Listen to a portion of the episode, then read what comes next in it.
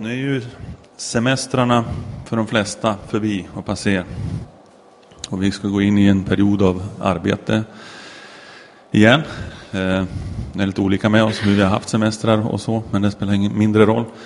Stora majoriteten har avslutat sina semestrar. Och för många är det en tuff tröskel att komma tillbaka. Det kan ta någon vecka, det kan ta några veckor. En del säger att det tar nästan månader för mig att komma igen på jobbet. Och någon är tillbaks dag två liksom. Så det är lite olika. Men en sak som vi ganska säkert, många av oss, upplever att vi vänder tillbaka till på något sätt. Det är just stress och jäkt. Jakt, press, prestationsångest och annat som, som vill liksom trycka ner oss. Det blir riktigt mörkt här idag inne i kyrklokalen nu. Vi har effektiv Ja, nu kom det ljus igen. Ja, det är fint. Eh, hur som helst så, så, tror jag de flesta känner igen sig att vi lever på ett sätt väldigt mycket under stress i vår värld. På våra jobb, på arbeten. Och ja, till och med i vardagen faktiskt. För att det är mycket vi ska leva upp till och mycket vi ska hinna med.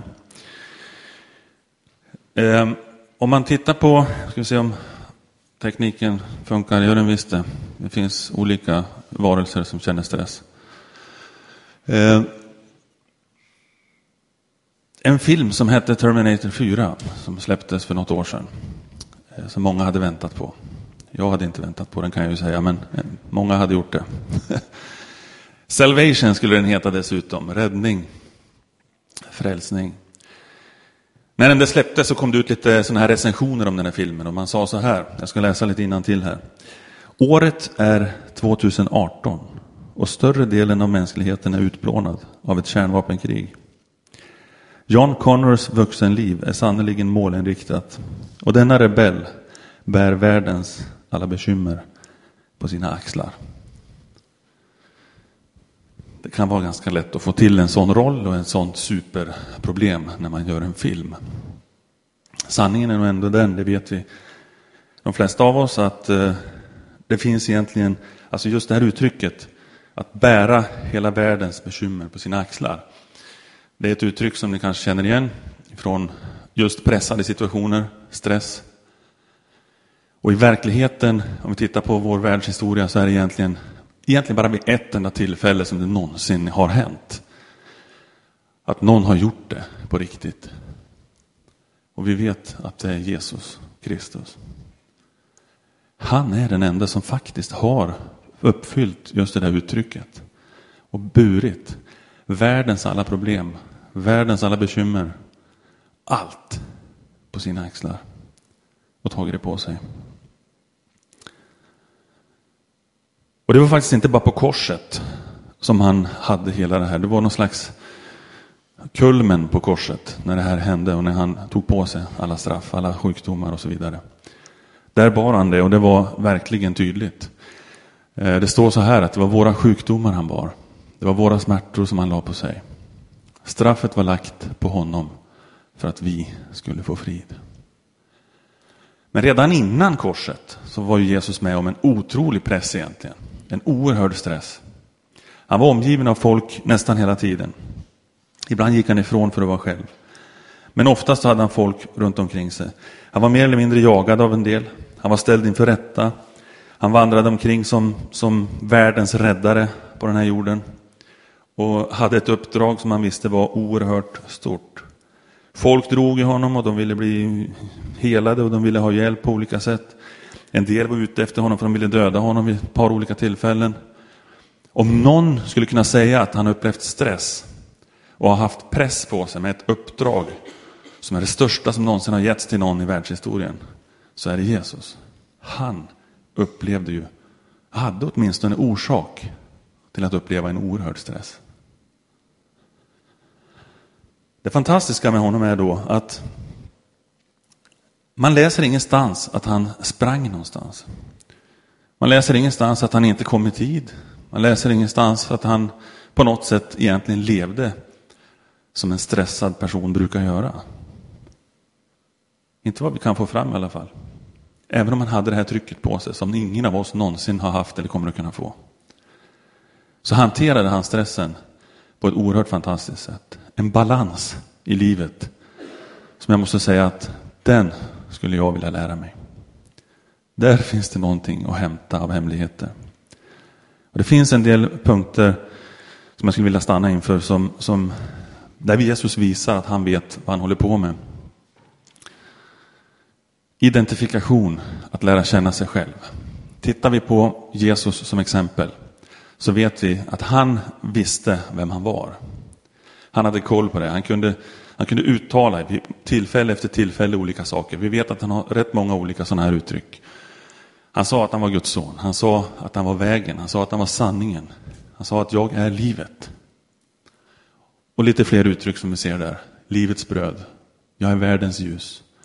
Jag är det levande vattnet. Sen finns det fyra, fem, sex, det finns typ tio till sådana där konkreta saker som han säger konkret att det här, är, det här är jag, jag vet vem jag är. Han var väldigt tydlig med det. Vi själva, vi lever i, i en ganska tydlig press från vår omgivning där de vill forma oss, folk vill forma oss, vår omgivning, skolan vill forma oss, politikerna vill vara med och forma oss och påverka oss att så här den ska du vara, den här ska du bli. Media vill vara med och trycka på oss att det här, så här ska du klä dig, så här ska du göra. Det här ska vara du. Köp det här. Gör så här. Varför då? Ja, för det gör alla andra. Och sen är det någon som inte vill vara som alla andra. Ja, men då säger man gör så här istället. Det här ska du göra. Varför då? Därför då är du inte som alla andra. Men du är fortfarande styrd fast in i det andra facket på något sätt. Vi vill inte vara med om det egentligen. De flesta av oss i alla fall. Men vi ändå drivs ganska mycket av omgivningen. Och skulle vi vara omedvetna om vilka vi är och tappa vår identitet och tro att vi kan göra saker som egentligen inte är vi. Om jag skulle, skulle gå upp här och liksom göra en, en Peter Enoksson sång upp, upp, vad säger man, ett uppträdande här och låta som honom. Liksom. Så jag, jag skulle känna mig ganska stressad om jag fick det uppdraget. Eller om jag skulle låta som, som eh, Kristina Zettervall går fram liksom till pianot och petar till en ton så här. Och sen går jag bort till micken och så nu börjar jag sjunga bara a cappella. Pang, klart och rent. Det är inte bara jag som skulle uppleva stress i den stunden, det skulle nog förmodligen ni göra också. Massor av problem bygger på att vi kopierar varann och att vi jämför varann. Och det är två jättestora fällor som vi lätt kan falla i. Gör vi det verkligen? Eh, du kanske frågasätter och säger, vad, vad, vad, menar du?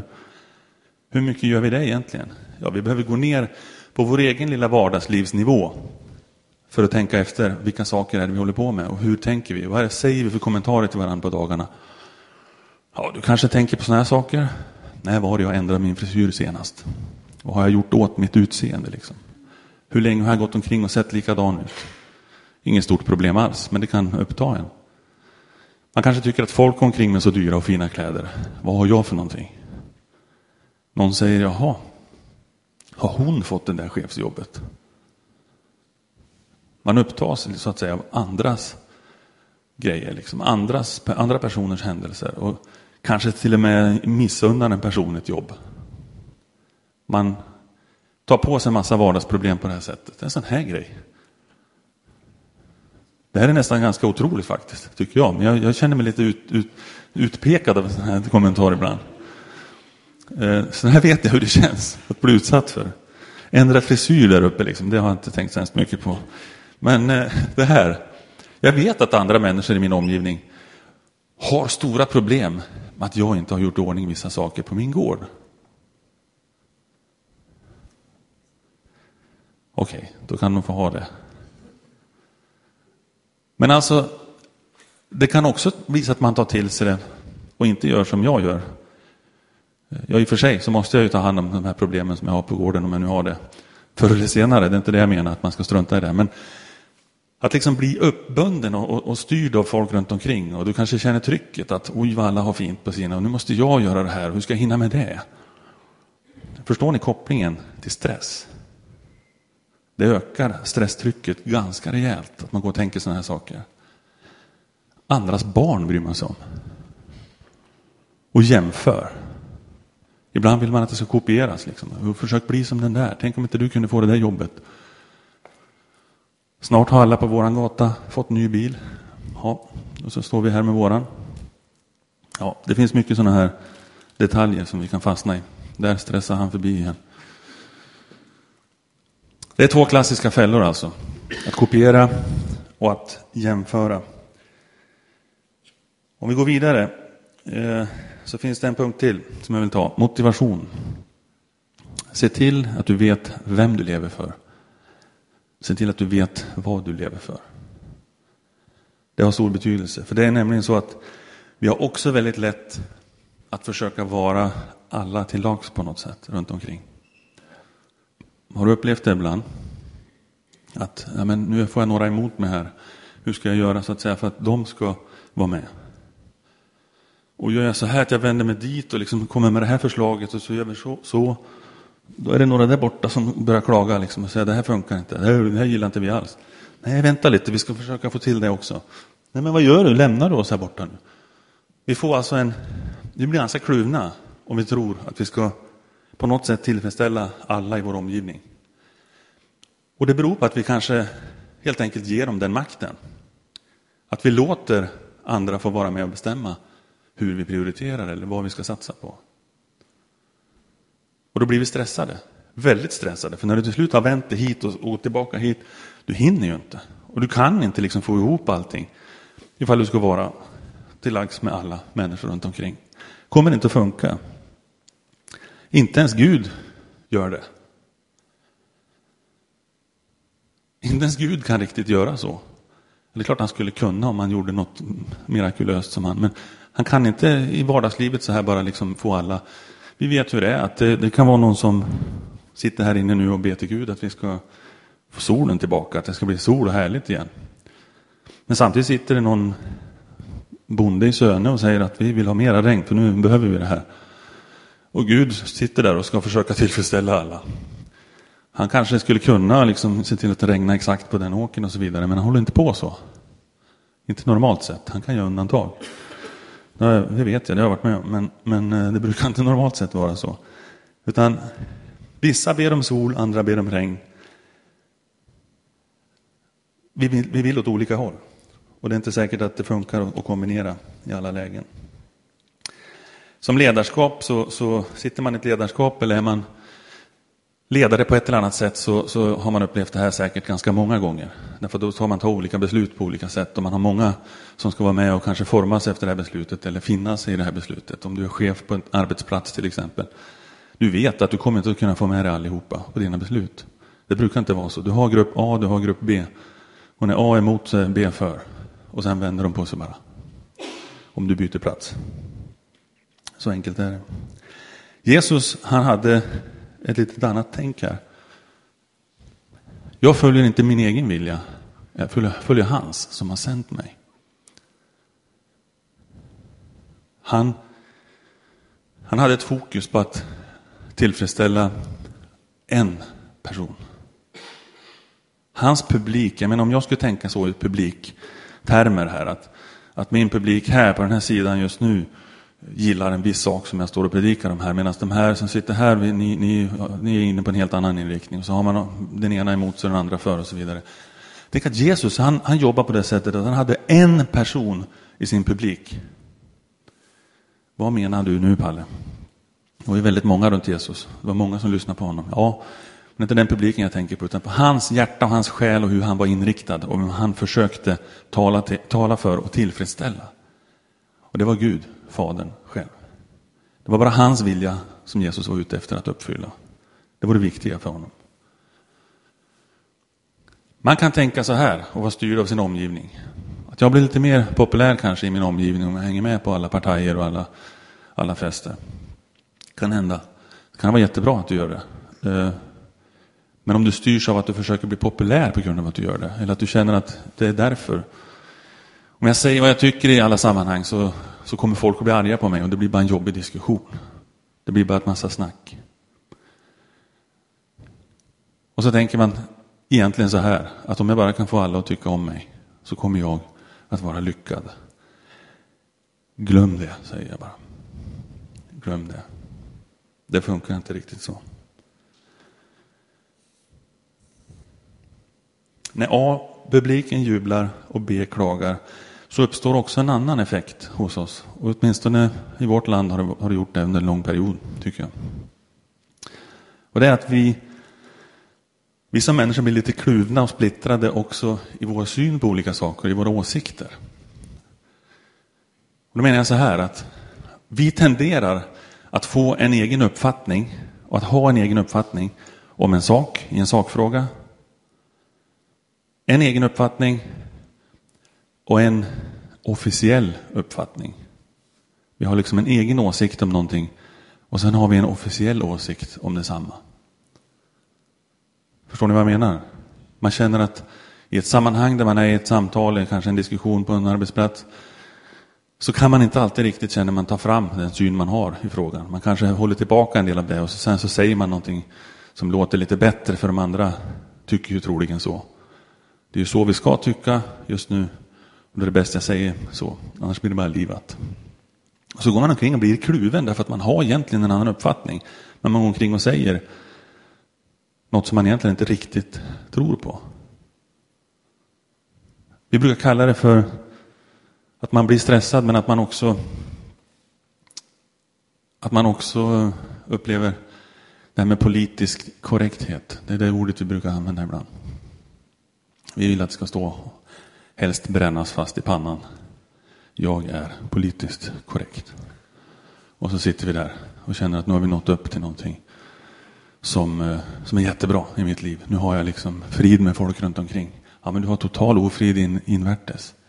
Därför att du inte följer din egen övertygelse kanske. Och då blir du stressad av det. Det är en till faktor som stressar och som jagar på dig i livet. Jesus säger så här.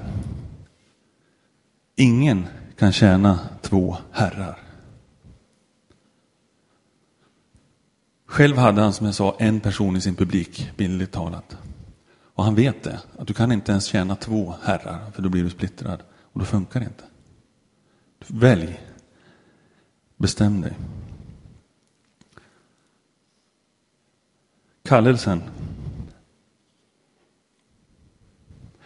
Du kanske, du ska vara medveten om din kallelse. Det är naturligtvis viktigt. Det behöver vi vara, allihopa. Jag är medveten om delar av min kallelse åtminstone. Eh, som pastor i, i, under den här perioden åtminstone. Och annat som jag gör i mitt liv. Eh, du kanske är medveten om din kallelse. Din kallelse kanske är att vara målare eller att vara revisor eller någonting annat. Eller, det kan vara så jättemånga olika saker. Just nu kanske din kallelse är att vara mamma. Men var medveten om din kallelse så att du inte styrs av trycket runt omkring, även när det gäller vad du ska göra och hur du ska använda din tid. Du kanske har musikalisk talang, du kanske är bra på siffror och praktisk, eller duktig med händerna. Något sånt som kopplas till saker som Gud har kallat dig till och som Gud har, har ja, helt enkelt lagt en kallelse i ditt liv. Ehm. Jesus han säger, han var väldigt medvetande, medveten om sin kallelse. Han säger att jag vet varifrån jag kommer och vart jag är på väg. Och min mat, det är att göra hans vilja. Han som har sänt mig och att fullborda hans verk. Man kan tycka kanske att vissa kallelser är mer värda än någon annan, men det, det, är de ju inte. De är inte mer värda än någon annan. Utan de passar dig bättre än mig, eller mig bättre än dig. Och kallelsen, är vi medvetna om den så kan vi mer renodla vad vi sysslar med i våra liv och hur vi använder vår tid i våra liv. Om vi vågar vara trogen först och främst vår kallelse. För det finns alltid folk som kan slänga på det nya uppdrag. Det är alltid så att, att vi, vi har liksom 24 timmar om dygnet. Vi behöver sova en del av det och äta och så vidare. Men vi kommer inte att hinna allting om vi ska ta på oss allt som folk vill att vi ska göra. Det går inte. Du måste någonstans renodla Du måste någonstans prioritera. Och kallelsen stämmer ofta ihop med hur du är skapad. Det finns kanske undantag på det. Men, men du har talanger och gåvor och så som spelar ihop med den kallelse Gud ger. En av de amerikanska presidenterna för länge sedan, eh, Eisenhower, han hette Dwight Eisenhower. Eh, han kunde man lära sig mycket av. Eh, det här som står längst ner på bilden här, allt som är brådskande är inte viktigt. Och allt som är viktigt är heller inte brådskande. Vad lärde han sig där? Eller vad lärde han oss där? Jo, i det där huset, Vita huset där borta i väst, så finns det ett rum som kallas för ovala rummet, eller the Oval Office. Och där inne så hade Dwight Eisenhower ett par lådor här som han hade på sitt skrivbord. Där den ena lådan sa urgent och den andra stod det important. Alltså, det stod att det var brådskande på en av lådorna och den andra stod att här var det viktiga ärenden. Så fick folk lägga dit dem på vilken nivå det var så att säga. Man fick sortera upp dem om man hade jättebrådskande eller om det var viktigt bara. Så frågar man honom så här, vad, vad, hur gör du med de här olika sakerna som ligger i de här lådorna? Vilken, hur prioriterar du? Du har ju ändå två lådor. Ja, Eh, de som ligger i important, sa han, de som är viktiga, de eh, ser jag till att plocka upp och uträtta. De som är brådskande, nej, de struntar jag i. Så sa han bara, rakt upp och ner kallt. Jag struntar i dem. Ligger de bara där så får de, är de inte viktiga så spelar det ingen roll hur bråttom det är. Det är klart, en president har säkert ännu mer att tänka på än vad en annan har till vardags. Men ändå, det gäller att liksom kunna sortera. Annars blir vi stressade. Det finns inte tid att klara alla uppdrag vi tenderar att dra på oss. Men det finns tid för dig att klara de uppdrag som ligger under din kallelse. Det kan jag garantera. Så lyckas vi verkligen hitta vår kallelse inför Gud. Då kommer du att ha tid att klara av det om du prioriterar den och om du ser att det är det, det är det här jag ska jobba med, det är det här jag ska göra just nu eller under kanske hela mitt liv. Det kan vara lite olika naturligtvis. Risken är att man åker slalom mellan olika uppdrag för att försöka hinna med allting. Vi ska kolla på en grej till här. Koncentration behövs också. Att fokusera på det som betyder mest, det är väl ungefär det jag var inne på nu, att prioritera rätt grejer. Eh, en sak som är lite lurig är eh, det som står först här, att om fienden inte kan få dig att bli ond, så försöker han gärna att få dig att bli upptagen istället. Upptagen med saker som inte är kallelsen. Fyll på schemat bara så att du inte håller din kallelse ren och klar. För han vet att du kan luras, om inte annat, med goda uppdrag. Här pratar inte jag om gott och ont. Att, alltså att, att eh, om du följer din kallelse så är det gott och om du gör andra saker så är det ont. Det, det, det behöver inte alls vara. Det finns jättemycket goda uppdrag. Du skulle kunna fylla egentligen hela din vardag med massor av goda saker men ändå missa kallelsen. Här är det snarare frågan om, inte gott och ont, men, men bättre och bäst. Det är bra eller bättre att syssla med bara bra och goda saker. Men det bästa, det är när du får landa i det du har kallats till och jobba med det. Fokusering kan vi se på väldigt många olika områden. Alltså det handlar inte bara om hur man prioriterar i sitt liv. Ljuset, ljuset här inne i den här lokalen nu som ju är ganska dämpat för närvarande. Det är också väldigt trevligt när det är lite allmänt ljus så här. Det kan vara mysbelysning och det kan vara det ena med det andra. Det kan vara stark eh, sjukhusbelysning som inte folk gillar så mycket kanske, men som behövs för att man ska se bra. Fokuserar man ljuset extremt, extremt mycket med hjälp av teknik, då kan man skära sönder en stålskiva med hjälp av ljusstrålarna bara, bara för att det är så fokuserat. Så det är väldigt stor skillnad på det allmänna ljuset. Vi skulle ju dö allihopa här om, om ljuset just nu skar sönder oss. Men det gör det ju inte. Det är inte tillräckligt fokuserat. Och då har det en annan uppgift. Men för oss, kan vi fokusera i våra liv också väldigt hårt så kommer vi att lyckas med mycket mer. Vi kommer att bli mycket kraftfullare, vi kommer att bli mycket, mycket mer framgångsrika egentligen i det vi ska göra. Därför att vi lyckas ha koncentrationen uppe. Han, fienden jag pratar om här, han, han vill gärna få oss att missa det Gud har kallat oss till. Eh, det, det är en stor uppgift för honom på något sätt. Mästaren i koncentration, det var Jesus. Han, vi kan ta rycka ett exempel ur en vardagssituation. Ja, jag ska ta det här först också. Vi behandlar ibland allting i livet som lika viktigt. Och det vet vi allihopa att det inte är. På något sätt så nu får du ett nytt uppdrag eller någon ringde, ja, det är precis lika viktigt, du måste göra det här, du måste göra det här. Och så blir vi stressade av det. En del beslut de, de påverkar mina närmsta tio sekunder. Eller närmsta tre sekunder eller närmsta timmen. Andra påverkar mina, min framtid för kanske tio år framåt. Medan ytterligare andra beslut är ännu viktigare för oss och de påverkar hela vår evighet. Och Det betyder att vi kan inte behandla alla uppdrag eller alla, alla, alla saker vi får på oss som lika viktiga. Vi måste förstå att lägga undan ibland och att säga nej till vissa saker ibland. För att fokusera rätt. Det står så här i Lukas 9 och 51. Att Jesus var på väg mot Jerusalem. Jag, tror, jag kommer inte ihåg om jag har den texten här. Nej. I alla fall, det står så här att eh, han var på väg mot Jerusalem. Och i, i den engelska översättningen så står det så här, jag tar det för att det, det, det åskådliggör ännu mer tydligt vad det är jag försöker säga.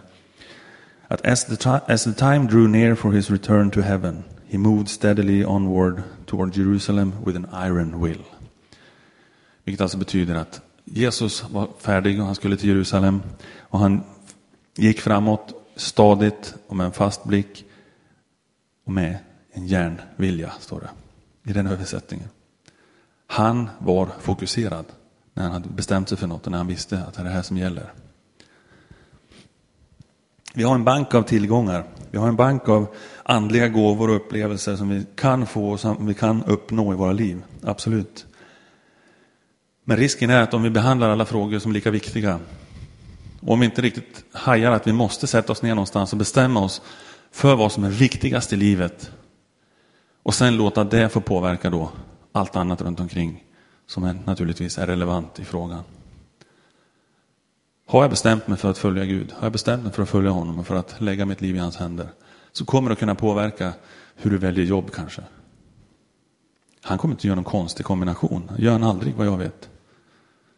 Och sätta in liksom, men nu gör vi så här, för Gud skickar ut oss på några konstiga uppdrag. Det är bara spännande uppdrag vi får. Det är bara intressanta uppdrag som är bra för oss. Och har vi prioriterat rätt så lär vi höra när han ber oss göra saker. Vissa saker påverkar helt enkelt evigheten. Vissa saker är mindre väsentliga. Jag menar om du, ställer, om du går ut i trädgården och så ställer du upp en krocketbana för här ska vi spela krocket en stund så spelar det ingen jättestor roll var du ställer de här pinnarna och det här. Det får stå liksom så att det blir hyfsat bra en stund. Men ska du plantera ett träd där ute i trädgården så kanske du får tänka lite annorlunda. Då kanske det spelar större roll du slänger inte ut ett frö så här liksom och går därifrån och tänker nu ska vi se hur det blir eller trycker ner det bara någonstans. Utan du planerar det lite bättre därför det här kommer att ha en större framtid eller en längre framtid. Det har större betydelse. Ställer du upp en grill så kan du ta en sån här liten klotgrill eller något och placera den där du vill ha den för kvällen. Men ska du göra en annan grill, det här tar jag som exempel för det här var med om när vi bodde i Falun. Det huset vi hade i Falun så var det några som hade hyrt det huset tillfälligt. Och de, de skulle grilla, de gillade att grilla.